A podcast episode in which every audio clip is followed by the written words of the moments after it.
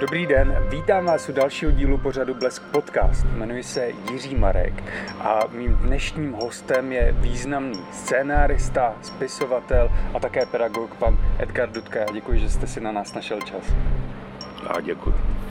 Jak už jsem říkal, nacházíme se teďka na Anifilmu v Liberci, eh, což je festival zaměřený na tvorbu animovaných snímků a pan Edgar Dudka převzal ocenění eh, za význam, které poskytl tady těm animovaným filmům eh, za celoživotní přínos. Jak si tohoto ocenění vážíte, pan doktore? No, je to veliké ocenění. Eh, když mi to nabídli, tak jsem se napřed zamyslel, jestli ještě tady není někdo z těch mých předchůdců slavných. Eh, no, když jsem zjistil, že všichni už pomřeli, tak jsem říkal, tak to vezmu.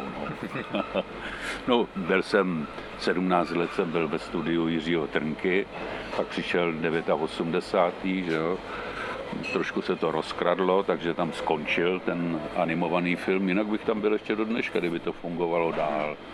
A no, tak jsem musel jít učit, že jo, na FAMu, tam jsem učil scenaristiku a dramaturgii, to, co jsem vyštudoval. No, tak jsem to až na profesora, ale právě k tomu, že jsem tak dobře znal ten animovaný film, eh, tak jsem učil celou dobu eh, dějiny animovaného filmu, českého i světového.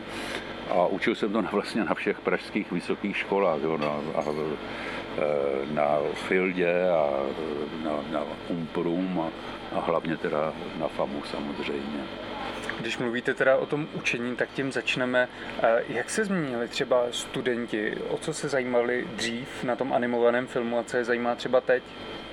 No, ono se to nedá takhle jako jednoduše jako mm-hmm. odpovědět na tom. Eh, pravda je, že v, za těch časů, co já jsem byl v, u těch trnků, jo, jako v tom studiu, tak byla těžká cenzura, že jo, to byla, jsme tam měli toho Kamila Pixu a to. E, teď jsou svobodní, a v začátku byli všichni rozpačitý, co jako, kdo je náš nepřítel, po, proti komu se máme jako vyhradit. A, a to už pominulo a teď už vidím právě třeba tady na tomto e, Anifilmu, e, že už ty studenti si našli svoje témata a, a že to tak bude pokračovat. Svoboda je svoboda.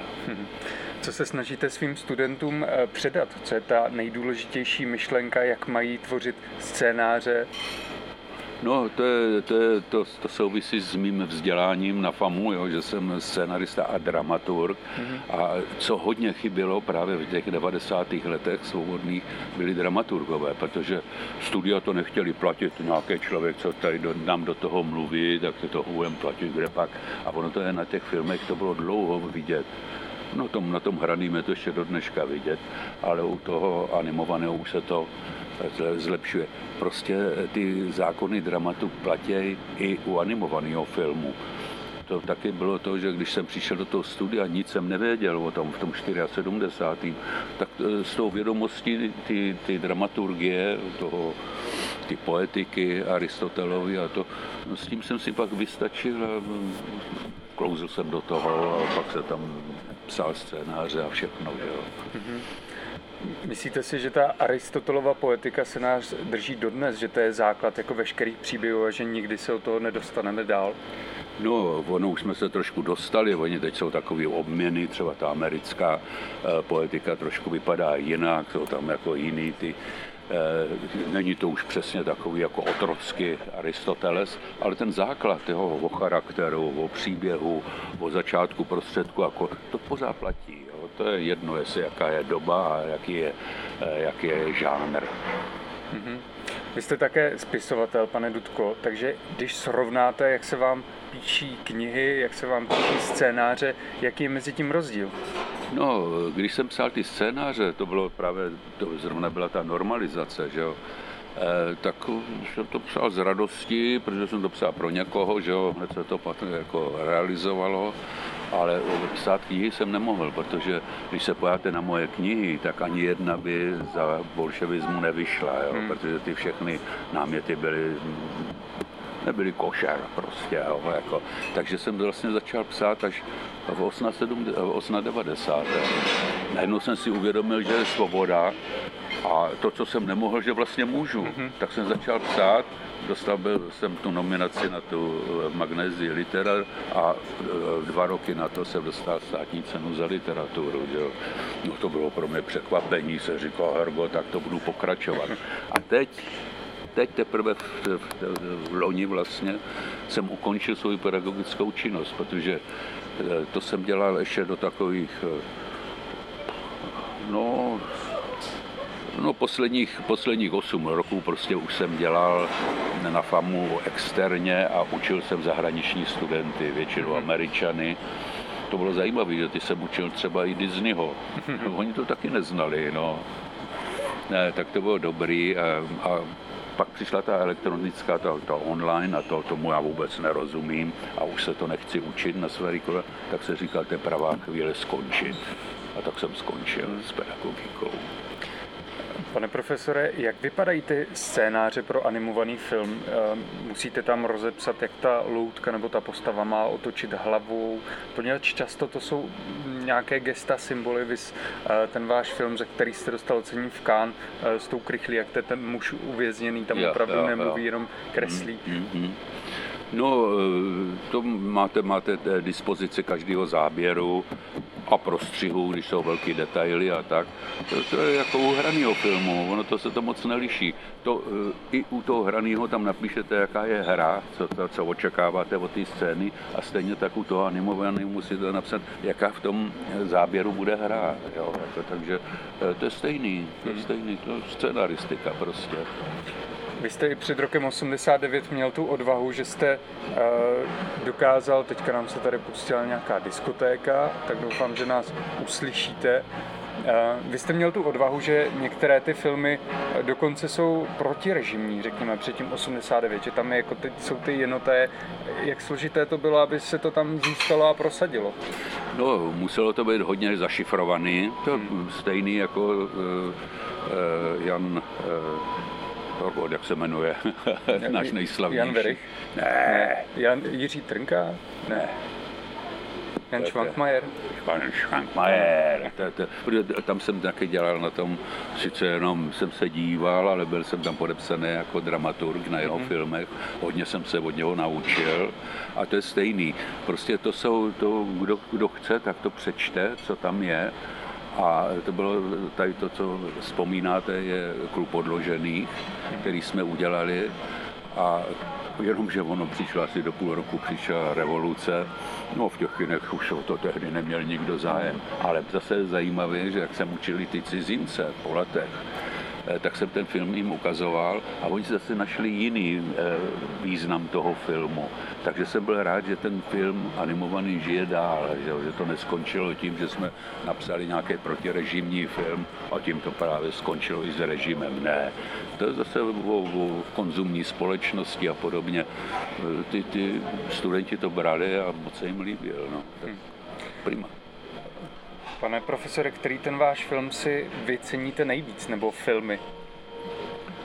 No, to je hrozně těžký, že jo. Já si třeba cením hned to, co jsem dělal s tou Vlastou Pospíšilovou, to je o Marišce a Vlčím hrádku, mm-hmm. protože to byla i režie a já jsem to psal, ona to animovala a dohromady jsme to režírovali a hned eh, jsme dostali cenu Jiřího Trnky 1980, tak to, to samozřejmě si považuji. Stejně tak jako třeba ten konec krychle, který jste vzpomínal, eh, co v Kan dostal cenu poroty a zároveň byl navržený na výroční cenu Britské akademie takový jednoduchý film, tak jsme mysleli, že to je taková jako jenom satírka a ono se ukázalo, že to má světový uplatnění.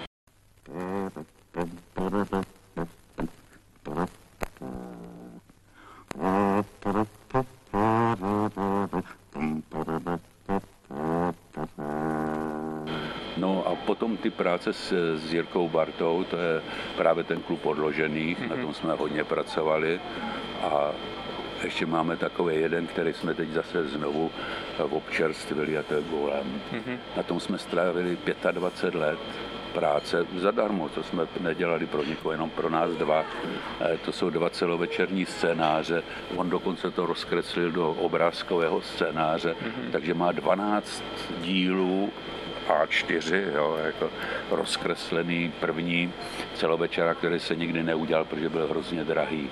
Stálo to tehdy, ne, ještě nebyly ty všechny techniky nový a tak. A teď právě máme nového eh, produkčního Vladimíra Lohotáka a e, ten umí jazyky, to už je mladý člověk o generaci mladší.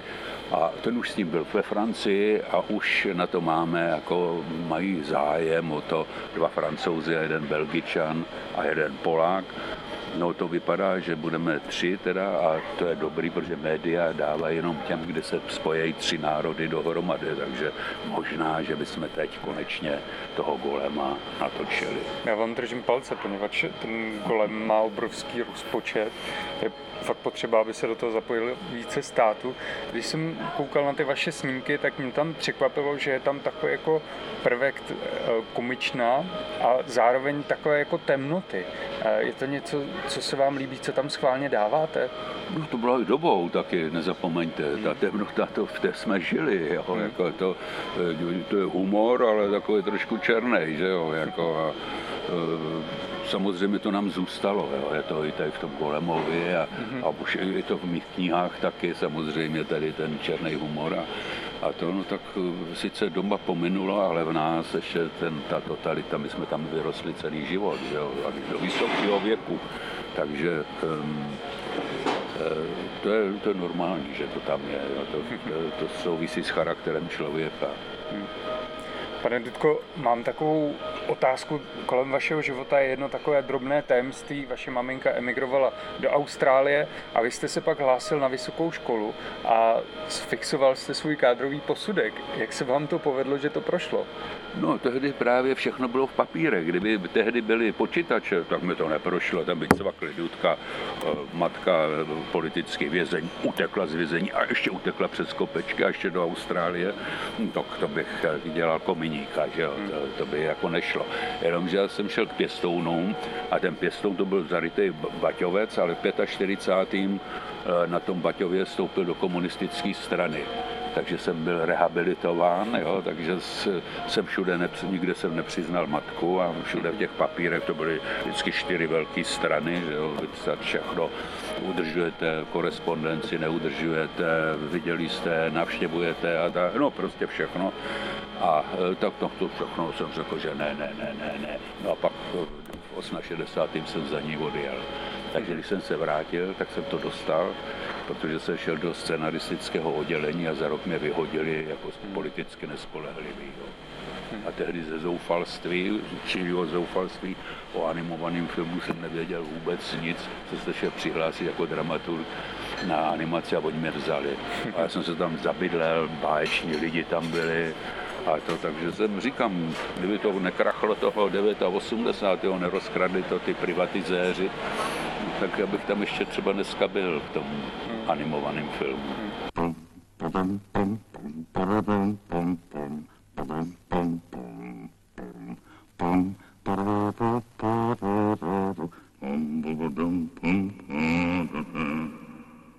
Jak hodnotíte současný animovaný film? Ono se často mluví, že zažíváme novou vlnu, je to skutečně nová vlna? No, já, já zase jsem trošku jako kritický. Já si myslím, že dva, tři, čtyři ani pět filmů tu novou vlnu neudělá, že by to chtělo tak 20 filmů, jo, jako aby, aby to byl opravdu vlna. Že jo, jako to. Ale jsem hrozně rád, že jsou tyto filmy, že jsou filmy, na které můžu být hrdý. Jo. A není to daný také tím, že ve vaší době existoval krátký film, každý ten film byl před hlavním filmem, tudíž čerpali nějaké peníze, těch peněz bylo dost na vznik různých animovaných filmů na podporu studentů a dneska to vůbec není. No, to není pravda, že to vůbec není. Jednak eh, vznikají ty školní filmy, ty mhm. na to peníze mají a zase, když už to jde jako přesto, jako třeba tady je spousta e, famáků taky, tak ty dostali z, grant, z grantu peníze na to, aby na ten festival mohli jet. Ale zároveň, když mají projekt, tak ho dají fondu kinematografie a dostanou nějaký peníze. A nejsou to malé peníze. Jo, v těch 90. letech to bylo tragicky, oni měli asi 3 biliony nebo kolik na všechny filmy, no to každý dostal stovku a tak, jo, tak to bylo na nic, ale dneska už mají, já nevím, 40 milionů nebo kolik, takže už opravdu ty, ty podpory, já jsem teď psal uh, filmový scénář ze své první knížky mm-hmm. u Tulku 5 a uh, dostal jsem slušný peníze na to, abych psal. Navíc ještě přišla tady ta, ta, ta viróza, takže jsem měl ticho, klid. A taky jsem, taky jsem přestal učit, protože poslední ty cizinci utekli na začátku tady ty pandémie a do Ameriky až to. A, a oni říkali, no tak teď to musíte jako online, jo, tak jsme to musí všechno nachystat. A teď jedna holčička byla v Kalifornii, druhá v Connecticutu a já se z toho měl větší trému než oni, tak jsem je všechny pozdravil, dal jsem jim jedničky a se říká, tím končím, protože já tomu nerozumím. To už je na, na další, kdybych ještě žil tak 10 roku, tak bych se to naučil, abych mohl to používat, jo, jako moji kolegové. Ale to už jsem si říkal, tak už budu psát, už jako nechám učitelování. Teď jsem učiteloval až do 79, jo, to stačilo. Když jste učil teda ty zahraniční studenty, které filmy oni měli nejradši, nebo co je třeba zajímalo na té eh, české animované tvorbě? No já jsem neučil jenom českou animovanou, já jsem i světovou, jo. A to jsem vybral vždycky ty nejlepší filmy a z, každý, z každého státu. A Oni byli vždycky ohromně mi děkovali na konci, že se něco dozvěděli. Mm-hmm. Oni všichni říkají, no my to máme v počítači, no, ale nikdo se na to nepodívá. A navíc ještě jsem vždycky k tomu uváděl jako do souvislosti, co to znamená i v té historii animace, tento film nebo tam ten film a to, takže oni byli od dětsky ohromně eh, spokojení. No. Mm. To se neměl problém tady s tím učením. A navíc jsem si zvykl a byl jsem rád, že mám s nima přímo kontakt, že vidím, jestli spějí, nebo jestli je to zajímá.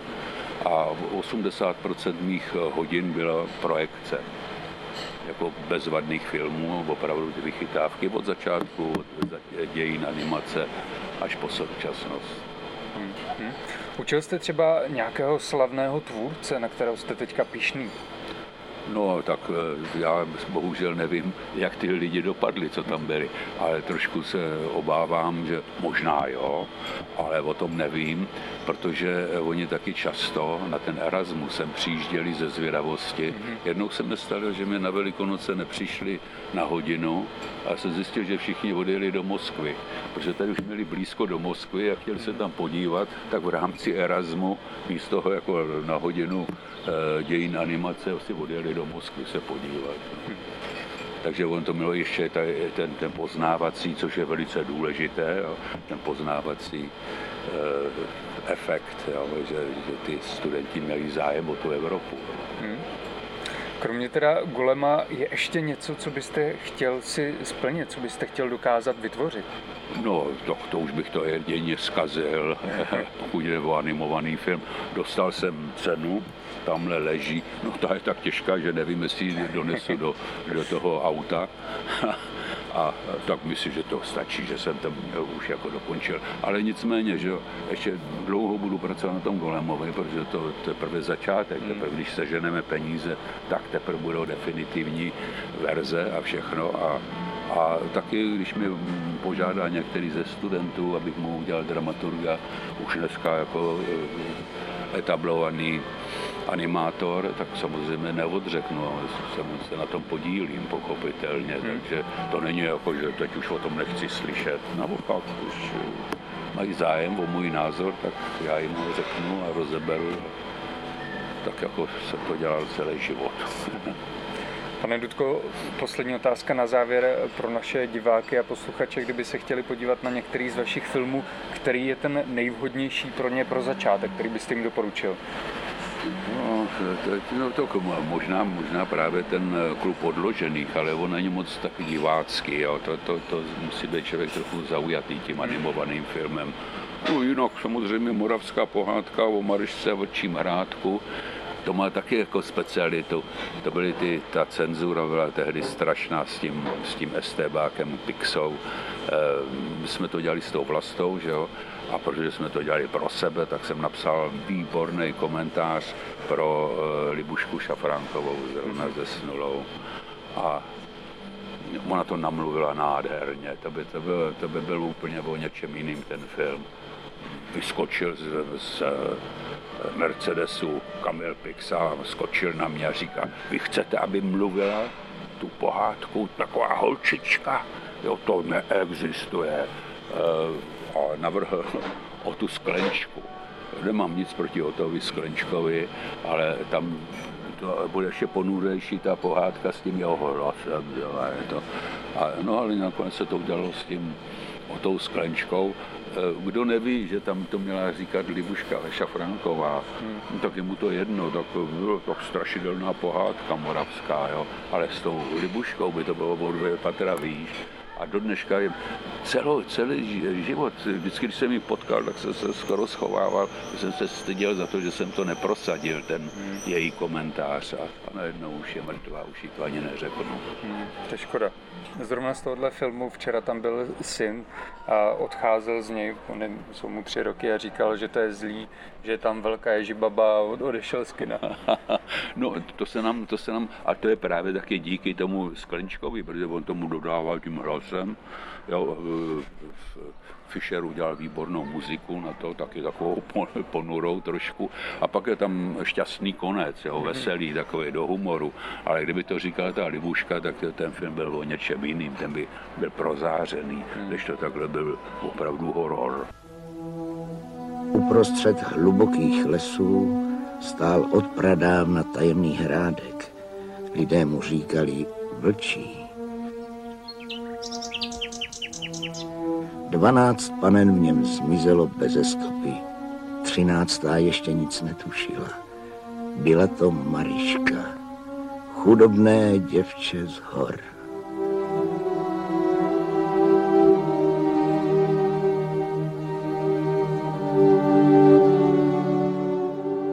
Jsme to dali vždycky, každý rok jsme ve studiu e, filmy hráli svým dětem, jo, jako, tam jsme měli projekci a když viděli tady tohle, tak lezli normálně pod sedadla. Měli strach malí děti. Jo, jako. No tak to, je, to, je, to není dobrá vizitka, protože to měl být dětský film. No ale říkám, to ještě ta, no, ta, nechci jo, ani jmenovat toho Pixu. No. Uh. Pane Dudko, já moc děkuji, že jste si na nás našel čas. Také moc děkuji za všechno, co jste udělal pro animovaný film. A doufám, že se dočkáme Golema a dalších děl.